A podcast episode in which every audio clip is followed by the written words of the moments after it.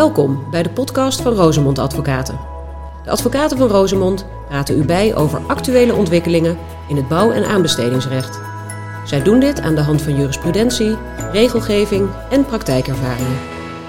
Wat doe je in de tussentijd? Je, je, kunt, je krijgt tijd om boeken te lezen, films te kijken en dergelijke. dus er staat veel meer ruimte in de agenda. Vandaag luistert u naar Daan Versteeg, Arno Jacobs en Rob Bleker. Dag Daan. Hey Arno.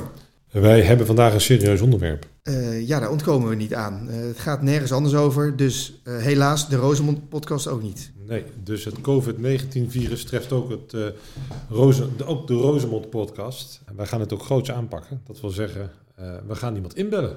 Ja, en dat is onze eigen Rob Bleker. Nou, zonder bijvragen. als het mij lukt. Kijk eens aan. Ik zie dat hij niet in jouw favorieten staat. Oei, nou hij is gelukkig nog niet aan de lijn. Met Rob. Is dit uh, Rob Bleker? Jazeker. Kijk eens aan. He, he. Rob, welkom bij deze podcast. Ik mocht even als aangever fungeren. Dat uh, een rol die Daan normaal gesproken op zich neemt. We gaan natuurlijk over de COVID-19-crisis praten. Uh, want die houdt de gemoederen flink bezig. natuurlijk niet voor niks, want niet alleen in de media wordt de crisis veel besproken. Maar onze cliënten hebben er ook tal van vragen over. En het is goed om die eens even te, te, te, gaan bespreken. En dat kan mij meteen terugtrekken uit deze podcast, althans qua, uh, qua uh, bijdrage. Uh, want het gaat als eerste over het aanbestedingsrecht. En ik heb mijn aanbestedingsrecht toga jaren geleden aan de wiel gehangen. Dat laat ik graag aan jou en Daan over, op. Nou, die, die handschoen moeten we nog oppakken, Rob. Ja, dat, met alle plezier. Ja, ik, ik werk thuis dus inderdaad. Ik, een van de vele misschien wel de meeste die nu thuis werkt. Daarbij kwam dat wij eind van de vorige week, net voordat de scholen sloten, op vrijdag te horen kregen dat in de klas van onze jongste dochter uh, al twee besmettingen waren geconstateerd. Dus uh, dat was aanleiding om ons in ieder geval eventjes te onthouden van contacten met familie en vrienden, waaronder die op kantoor. We zijn vrienden, begrijp ik. Kijk eens aan, ja, nee, dat, uh, dat, dat, wist jij nog niet. Ik, ik heb altijd gezworen ja, nee, dat we over vrienden van de show zouden hebben. Sorry Rob, ga verder. Nee, laten we inderdaad dus beginnen met het begin als het ware. En dus de aanbestedingsrechtelijke consequenties van dit alles. Want je kunt een aantal situaties onderscheiden. En hoe zie jij dat dan? Nou, ik denk, um, um, en dat, dat verzin ik natuurlijk niet allemaal, want uh, ik, ik, ik, heb ook de nodige belletjes gehad. Ik denk dat je ten eerste een knip moet maken tussen eigenlijk het belangrijkste moment natuurlijk van een aanbesteding, de inschrijving. Het moment dat je je aanbieding in die tendernetkluis uploadt. Iets wat overigens prima vanuit huis gaat, dus dat scheelt weer. Um, het moment voor en na inschrijving en het moment voor en na gunning, omdat alles natuurlijk zijn eigen uh, dynamiek heeft. Um, dus misschien moeten we gewoon beginnen met het moment voor inschrijving. Als jij op dit moment geconfronteerd wordt met een bestek en een aantal voorwaarden waarvan je denkt, nou, dat kon wel eens een stuk lastiger worden in de uitvoering dan dat ik een week geleden dacht. Wat, wat zou je aanbevelen? Ik denk dat het vanaf hangt hoe ver je zit. Als het bestek nu wordt aangekondigd, dan zou ik de nota van inlichtingen beginnen met... beste aanbesteder, u ziet toch ook wel wat er allemaal gebeurt. Uh, hoe gaat u daar rekening mee houden? Leg die bal maar lekker bij de aanbesteder. Maar laat ik hem terugkaatsen erop. Uh, ik maak me meer zorgen over de situatie uh, dat overmorgen de deadline van die kluis is. Je mag geen nota van inlichtingen vragen meer stellen. En je zit erg te twijfelen, ga ik wel of niet inschrijven? En als ik inschrijf, kan ik me op een of andere manier nog indekken? Ja, ja je hebt een aantal problemen daarbij. Om, om eentje te beginnen komen straks misschien nog op als we het over de, over de contracten hebben. Vroeg of laat komen er maatregelen, wat dwingender maatregelen van de overheid. En de vraag is dan, als je daar later op zou willen beroepen, hè, dat gaat dan om maatregelen die na de aanbesteding bekend zijn geworden, tenzij die voorzienbaar waren. Dan is de eerste vraag, moet je daarop wachten? Of moet je nu al denken, die zouden straks best voorzienbaar kunnen worden? En die kans is best groot, want een dergelijke discussie heb je gehad toen een aantal jaren geleden de accijns op rode diesel werd verhoogd. Oh ja. En voor uitlopend op die, uh, die wetswijziging was al in het, ik geloof dat het het Koendersakkoord heette, maar in ieder geval in een, in een kabinetsakkoord waren die maatregelen aangekondigd. En daar zijn toen een aantal claims op, uh, op gestrand.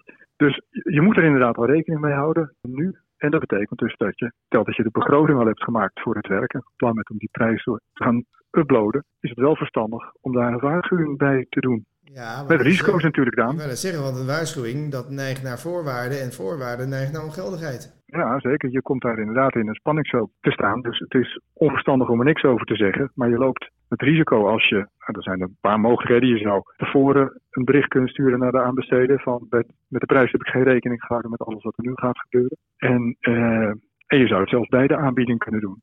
Er zijn formuleringen denkbaar waarbij je het risico op ongeldigheid kunt beperken. Dus dat hoeft niet altijd fataal te zijn, nog afgezien van het feit dat de opdrachtgever het misschien nog wel zal begrijpen. Maar het is een punt waar uh, je echt over na moet denken. Ja, en als we dan, um, we, doen vaker over het hoofd van de inschrijver zijn een oproep naar de aanbestedende diensten. Nou hoorde ik dat er steeds meer aanbesteders ook naar ons luisteren. Wat zouden we hen al willen adviseren? Ja, het is voor een aanbesteder, denk ik, verstandig om, er zijn een aantal mogelijkheden. Je kunt uh, de aanbesteding uitstellen, maar het is de vraag of dat veel helpt. Dan worden de problemen ook niet meteen mee opgelost. Of je moet inderdaad een voorziening maken in de overeenkomst. Kijk, de contracten zoals die worden aanbesteed, die bevatten natuurlijk dan voor voorziening om met dit soort omstandigheden om te gaan. Dus in die zin hoeft er ook niet direct een belemmering te zijn. Nou, dan zou ik eigenlijk naar de volgende fase willen gaan. Nu heb je ingeschreven. We gaan er even vanuit dat dat voor vorige week was. Dus we wisten nog niet hoe groot het allemaal was. Ga je dan mee in de gunningsbeslissing?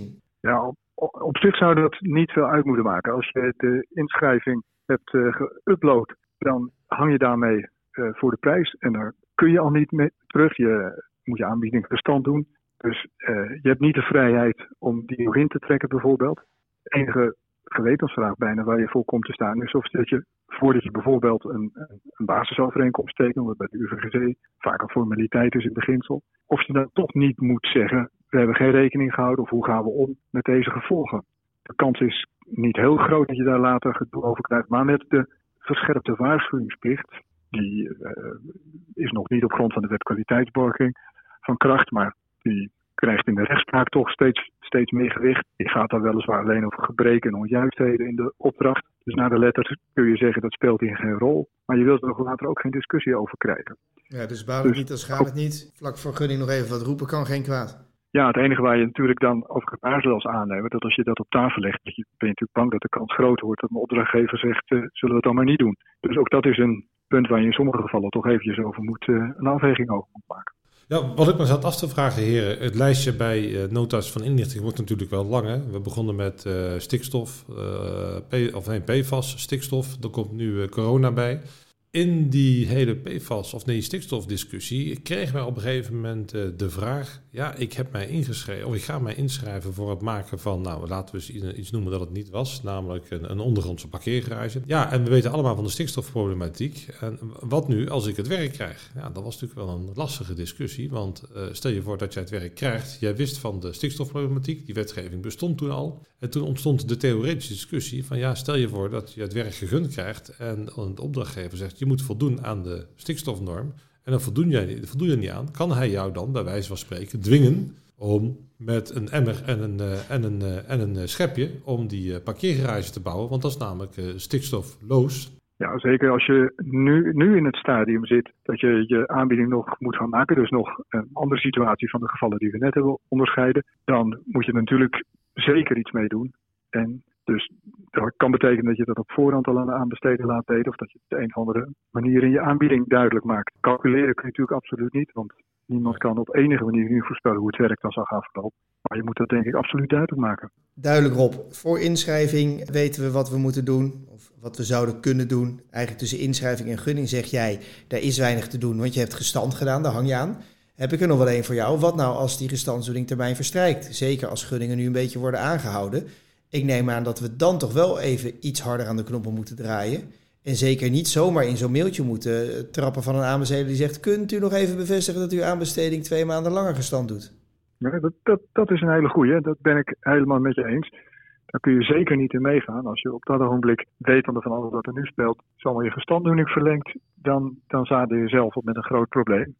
Dus daar moet je dan wel degelijk iets mee doen. Calculeren kan dus nog steeds niet, maar de waarschuwing moet er dan zeker uit. Dan last but not least, het staartje van de AMC-procedure, maar eigenlijk de start van ons werk, de rechtsbescherming.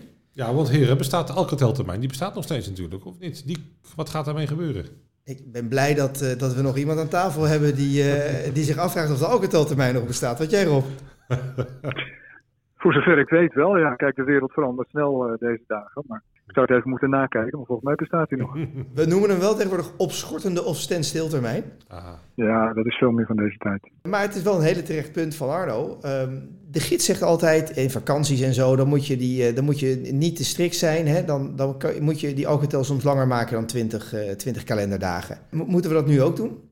Ja, kijk, als thuiswerker heb ik zelfs gisteren nog een dagvaarding uit laten gaan. Dus eh, daar worden we ook steeds handiger in. Dus stel dat je wilt protesteren, dan zal het niet aan ons liggen in ieder geval. Mhm.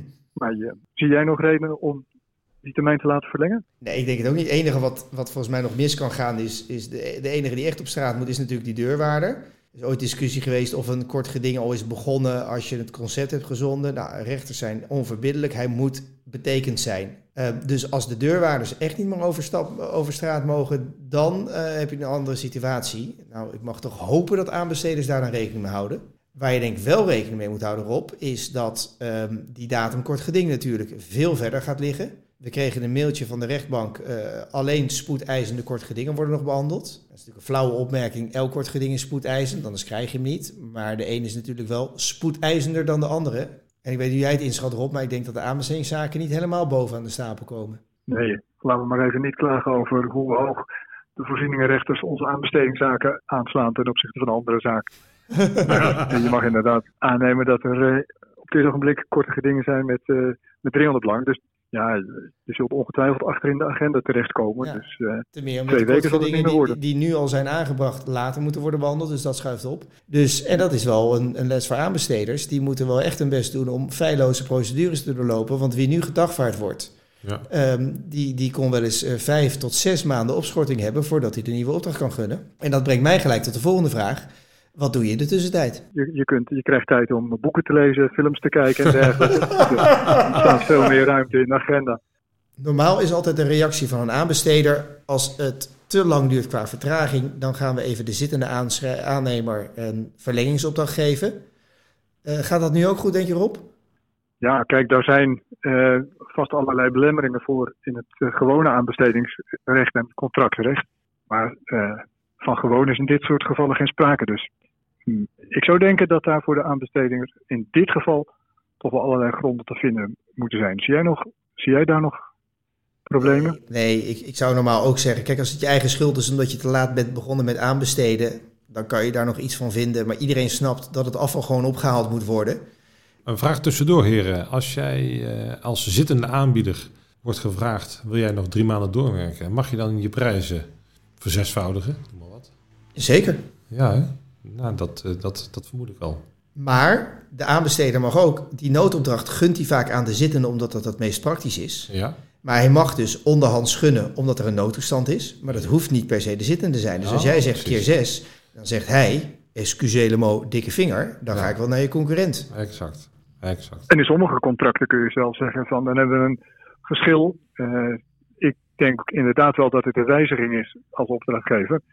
Maar ik geef je maar eventjes een instructie om tegen nette prijzen door te werken. En als je meer wilt hebben, dan zien we het later wel. Ja, precies.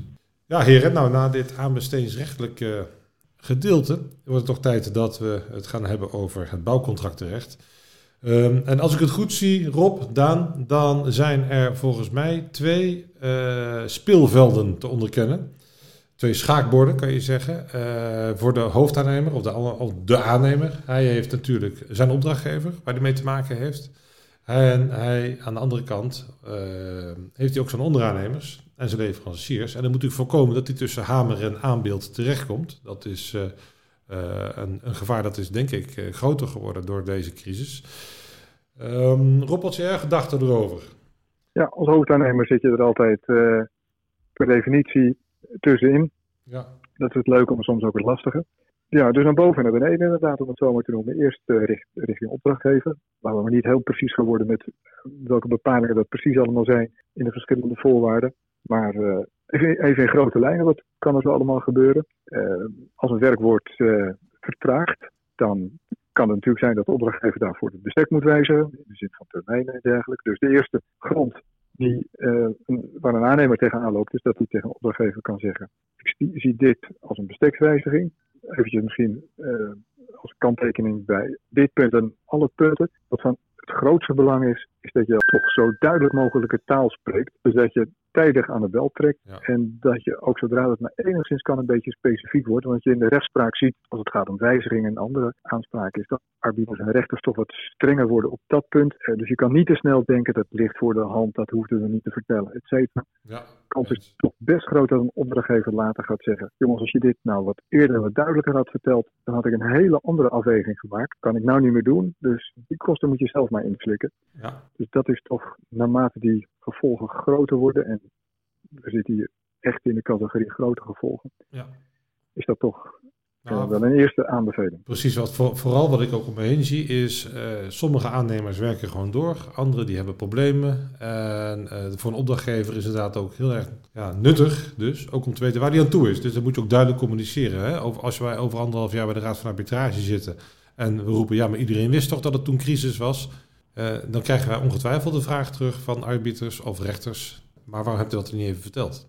Dat, eh, dat, dat gevaar zie ik absoluut wel gebeuren. En eh, dan heb je het met name over, ja, ik denk bestekswijziging. En uiteindelijk leidt dit allemaal tot, tot volgens mij, tot uitloop. Als ik het goed zie. Ja. Ja. Nou, bestekswijziging is de eerste. En een andere punt in de verschillende voorwaarden, dat ook nogal voor de hand ligt, is de vraag van, moeten we nou wat de overheid tot nu toe heeft gedaan? Er sprake van onze premier en andere maatregelen. Zijn dat nou maatregelen van overheidswegen die de aannemer aanspraak geven op bijbetaling? Paragraaf 11 lid 3 in de UVGC bijvoorbeeld, UWV paragraaf 6 lid 13. Of, of zijn we daar nog niet? En ja, dat is, dat best een lastige, Ja. want die, eh, wat de regering tot nu toe heeft gedaan, dat is eigenlijk grotendeels aanbevelingen. Wat ze hebben gezegd is, je mag niet met meer dan 100 man bij elkaar komen. Nou, dat heb je op een bouwplaats misschien een enkele keer, maar in de regel waarschijnlijk niet. Nee. En de overige maatregelen, zoals zoveel mogelijk thuiswerken, een beetje afstand houden, et cetera, dat zijn aanbevelingen en ook nogal ruime aanbevelingen ook. Dus als je daar als aannemer consequenties uit trekt, dan is de kans groot dat een opdrachtgever later zegt, van, ja, dat is je eigen keuze geweest, maar dat is niet een maatregel waar je in dit verband op kunt beroepen. Ja, wat, wat dat betreft is het centralistisch geregeerde Frankrijk natuurlijk wel veel duidelijker. Daar wordt gewoon gezegd, eh, er wordt niet meer gewerkt. En, of tenminste, er wordt niet meer op straat, eh, eh, mag je zelf vertonen. Alles wordt stilgelegd. En ik geloof dat zelfs het leger er op eh, uit wordt gestuurd om dat te controleren. Kijk, als we Ja. zoiets in Nederland zouden krijgen, dan zit je inderdaad zo bij 6 lid 13 eh, UAV eh, en 11 lid 3 UAV GC. Dat is er geen discussie over mogelijk. Maar ja, Waar ik ook aan zat te denken, maar dat is een beetje hardop nadenkend, is dat ja, misschien dat er wel een arbo-belemmering is om je mensen naar een werk te sturen. Dat je als, als werkgever, dat mensen op een gegeven moment misschien wel met recht kunnen zeggen, ja, maar ik ga niet meer werken, want het is te gevaarlijk. En Ja. dat je dan als werkgever, lees aannemer, je mensen niet mag dwingen om toch te komen. Ja, dat is dan, dat is dan wel, eh, wel iets waar je bijna, ja, waar bijna eigenlijk geen kruid tegen gewassen is, denk ik dan. Ja, je hebt een bepaling in de arbeidsomstandighedenwet, geloof ik. Maar hier moeten we opletten, jongens. Want.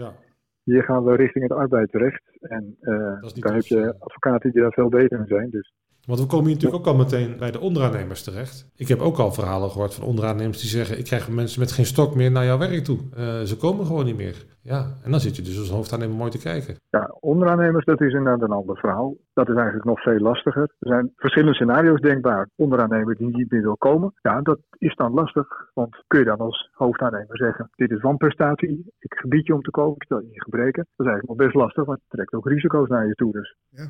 Eh, je kan ook overwegen om in zo'n geval te zeggen: door die keuze ben je aansprakelijk voor de gevolgen daarvan. We zullen het opnemen met de opdrachtgever, nemen zelf nog even geen positie in en komen op de gevolgen daarvan terug. Dan heb je net gedaan wat juridisch nodig is om later aanspraak te hebben op een schadevergoeding. Maar je interveneert niet te veel. past ook perfect bij alle onzekerheden die we op dit moment hebben natuurlijk. Dan is dit gewoon een hele, zou dit een hele goede melding zijn. Ja, Ja, waarbij dus ook hier van belang is dat je, net als bij de melding van eh, kosten, contact opneemt met de opdrachtgever ja. om de gevolgen te bespreken. Hoe zien jullie in dat kader, wat ik ook in Kobo las, dat het is natuurlijk een feit dat op menige bouwplaats heel veel mensen van, eh, vanuit andere landen komen, hè, veel Midden- en Oost-Europese landen. Die schijnen allemaal vertrokken te zijn. ja heb ik ook gelezen. In, in welke juridische vorm plaats je dat? Is dat een overmacht van een onderaannemer? Of is het zijn probleem, want hij had toch mensen aangeboden, dus hij regelt ze maar? Kijk, je kan zeggen als hij, hij komt zijn prestatie eh, eh, komt hij niet na. Dus dat, dat zou een tekortkoming kunnen zijn. Ja, eh, afhankelijk van de contracten die je met hem hebt gesloten, zou je kunnen zeggen dit is, dit is overmacht. Of, en dan komen we weer terug bij wat voor gronden heeft ook de hoofdaannemer, want vaak loopt dat parallel, zijn het onvoorziene omstandigheden. En dat, dat is dan ook eigenlijk wel het allerbelangrijkste grond die waarschijnlijk zich aandient voor deze problematiek. Eh, Want er zullen weinig mensen zijn die in dit stadium zullen zeggen dat er geen onvoorziene omstandigheden zijn. Eh, afgezien van het feit eh, dat we, of de vraag die we net bespraken, eh, aanbestedingen, op dit ogenblik, maar in het algemeen is de problematiek onvoorzienbaar. Ja, en dat de grond die de aannemer, de hoofdaannemer, richting opdrachtgever aanroept, maar de onderaannemer richting hoofdaannemer. Dat is juist ook de reden waarom je een beetje voorzichtig bent tegen een onderaannemer te zeggen: ik stel je in gebreken gebiedje om te komen en, dat soort geweld. Want nou, dat heeft ook weer repercussies waarschijnlijk voor je eigen aanspraak naar boven toe. Ja, eens.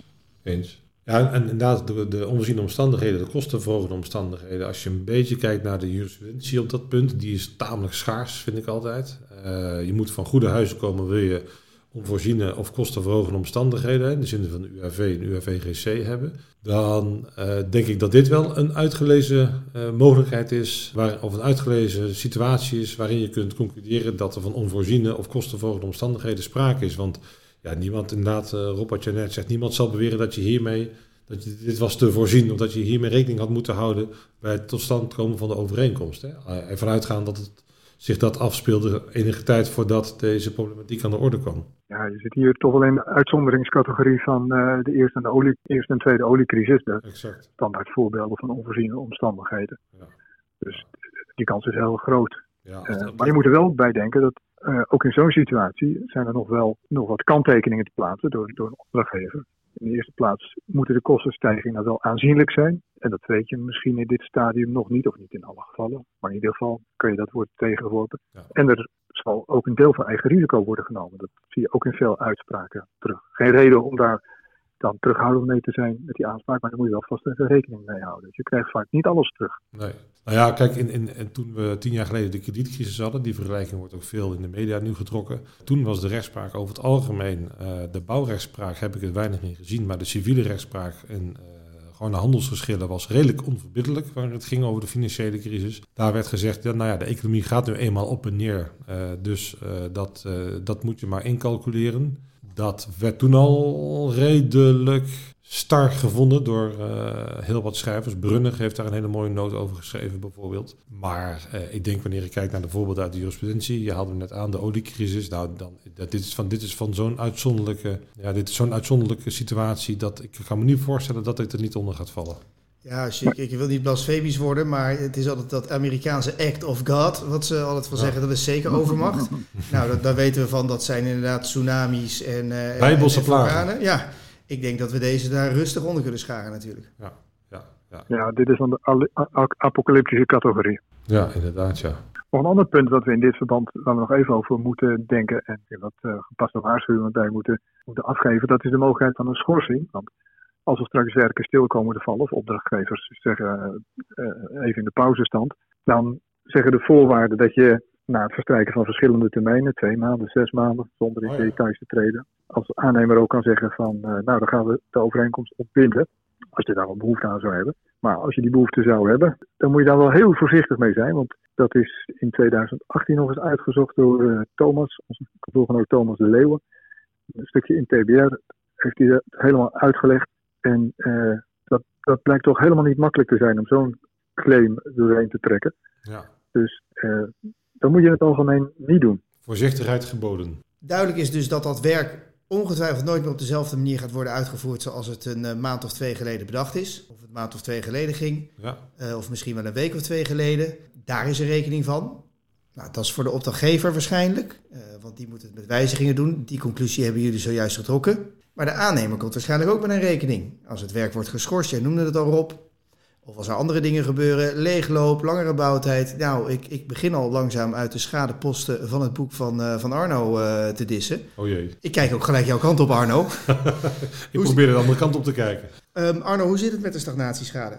Ja, dit is eigenlijk een, uh, een, een, een geval waarin je kunt spreken van ja, misschien wel pure stilligschade. Als echt een werk stagneert doordat uh, de mensen die je, waar je op had gerekend, hè, zo kwamen net van langs, de onderaannemers, de leveranciers of misschien wel je eigen mensen, het werk niet kunnen doen, dan ga je de vertraging in. En dan kan het zomaar zijn dat je er uh, langer over doet dan van tevoren gedacht.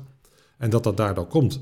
En dan kun je op basis van een uh, tamelijk eenvoudige calculatie kun je komen tot een, tot een, tot een optelling van je, van je stagnatieschade, die in dat geval dus grotendeels zal bestaan uit pure stilligschade. En ehm, eh, dat, dat, is, dat is denk ik, eh, dat zal, eh, dat zal de kern uitmaken van, van, de, van de discussies tussen opdrachtgever en aannemer. En aan de andere kant, ja, stagnatieschade in de vorm van efficiëntieverliezen of disrupties, die zullen ongetwijfeld ook komen.